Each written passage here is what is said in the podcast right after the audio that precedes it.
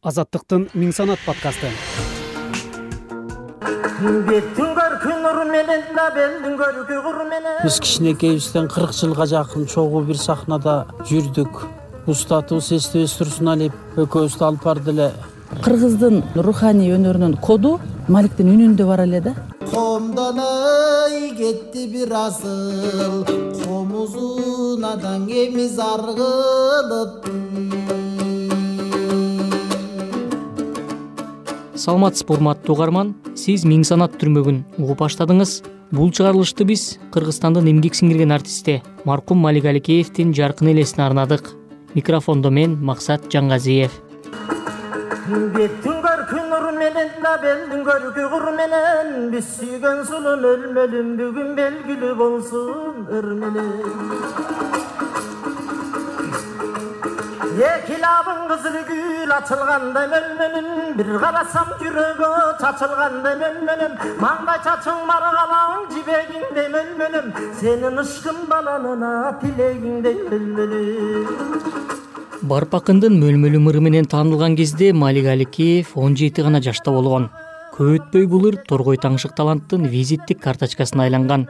Эл чогулган жайларда андан мөлмөлүмдү далай суранып ырдатышкан кадам койгон бутуңдан калемпир мончок жытыңда.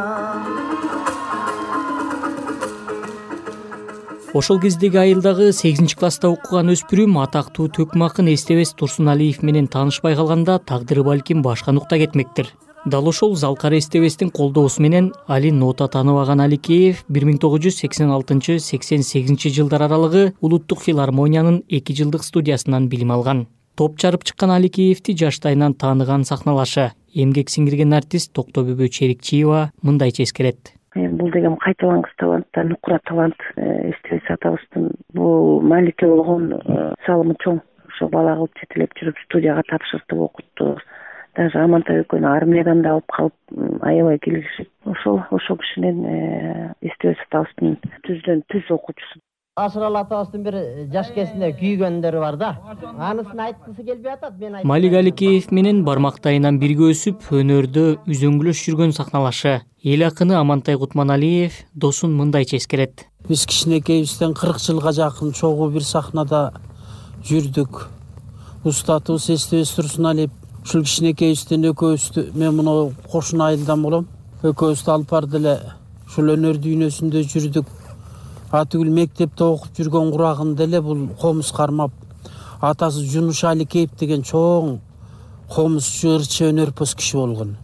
Баягы ушул союздун акыркы жылдары эгемендин башында жылдардын башында э, кыргыз журтчулугун ушул массалык маданият каптап келе жаткан кезинде даңкылдак түңкүлдөктөр биздин кыртышыбызга менталитетибизге туура келбеген музыкалар жаңырып турган учурунда бул бала комуз менен ырдап чыгып элге атак чыккан ушул малик аликеев болгон.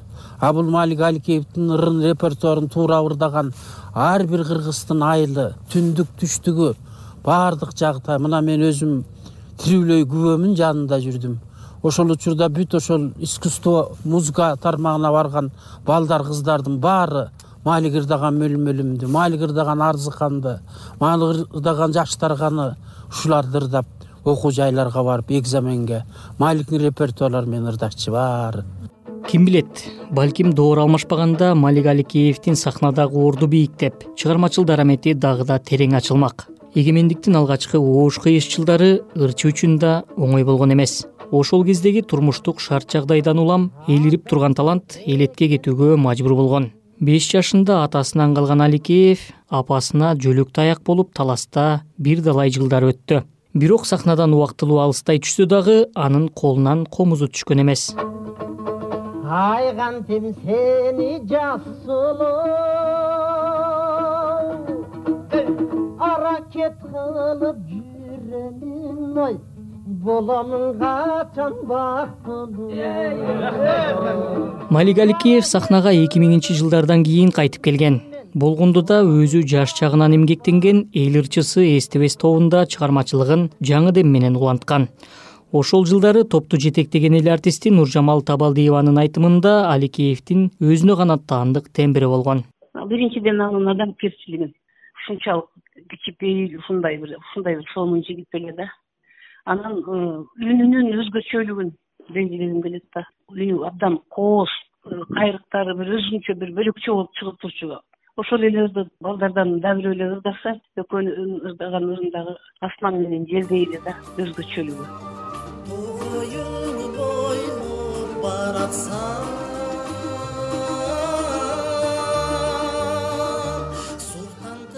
эл артисти роза аманова кандай болгон күндө да малик аликеевдин чыгармачылыгы мурас болуп анын экинчи өмүрү катары жашай берерин айтат. Кыргыздын э, баягы бир өнөрүнүн руханий өнөрүнүн коду ошол маликтин үнүндө бар эле да. Ошонун үнүн укканда адамдардын жан дүйнөсүнө бир башкача э, дүйнөгө алып кетет эле.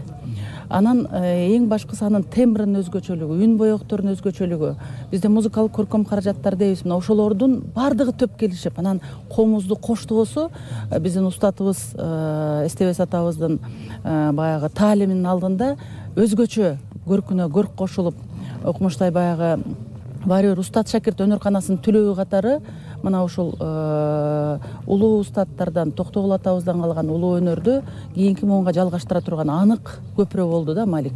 Тагдыр ушундай экен э, ар кимге ар кандай маңдайга жазуу болот экен.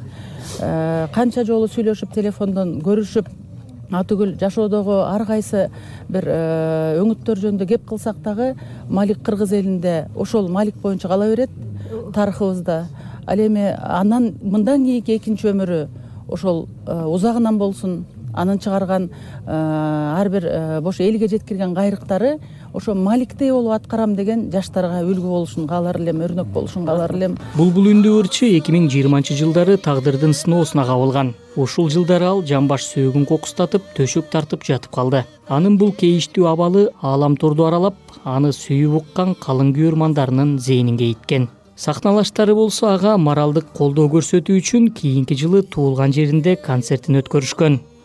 Эл артисти сыймык бейшекеев ошол чыгармачыл сапарда аликеевдин жанында болгон. Концерт ошо туулган күнүнө өзүнүн төрөлгөн айылына анан таластын борборунда концерт койдук эле эки күн. Ошону уюштуруп элдин баардыгын алып барып эки күн өзүбүзчө бир көңүл майрамы кылып жакшы сөздөр сүйлөнүп маликтин классташтарынын сыйын көрүп ак кайыңда макеме тамашалап э малик аке ак кайың деген керемет жер экен ушу эмне ушуну көргөзбөй бекитип жүрөсүңөр штрафын төлөйсүңөр деп тамашалашып эркелештик эле аттиң аттиң мелтире баскан көгөрү мен турам бакта жөлөнүп кашаттан чыкты бир келин элдин колдоосу ошол кезде сыркоолоп турган өнөрпозго дем болгонун малик аликеев өзү дагы ыраазы болуп айткан жайы бар. Операциянын алдында диванда жатканда баягы тарап кетпедиби тарап кеткенден кийин анан эл дагы аябай аябай чоң колдоо калды да. Ошол эл журтка журтума мен аябай ыраазымын.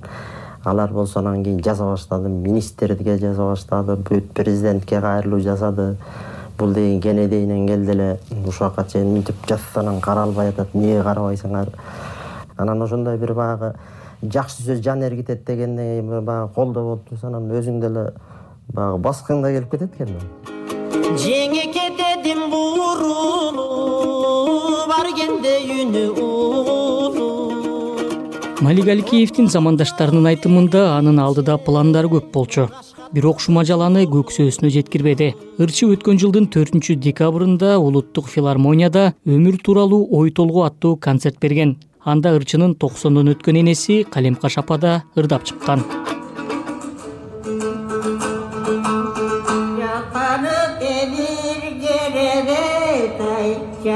Да жаны да серигет жабышкан ай жатпайт го эле да бирбиме бул концерт малик аликеевдин угармандары менен сахнадагы акыркы кездешүүсү болуп калды.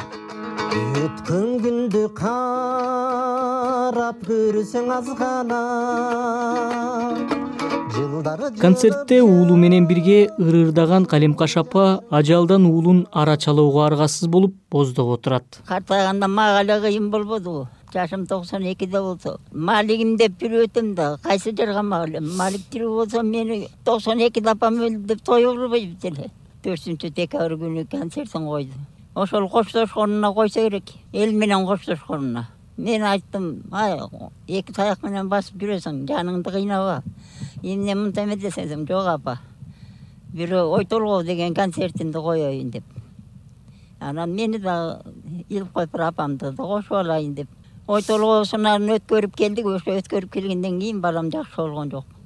Элүү төрт жаштагы кыргыз республикасынын эмгек сиңирген артисти малик аликеев талас районунун көпүрө базар айылында туулган. Ырчым өлмөлүм сардалгыс арзыкан таласым баштаган бир катар ырларды өзгөчө чеберчиликти аткаруу менен калың элге таанылган. Өнөрпоз соңку бир жылдан бери улуттук манас театрында эмгектенип жаткан болчу аликеевдин сөөгү он тогузунчу январда өзү туулуп өскөн көпүрө базар айылында жерге берилди.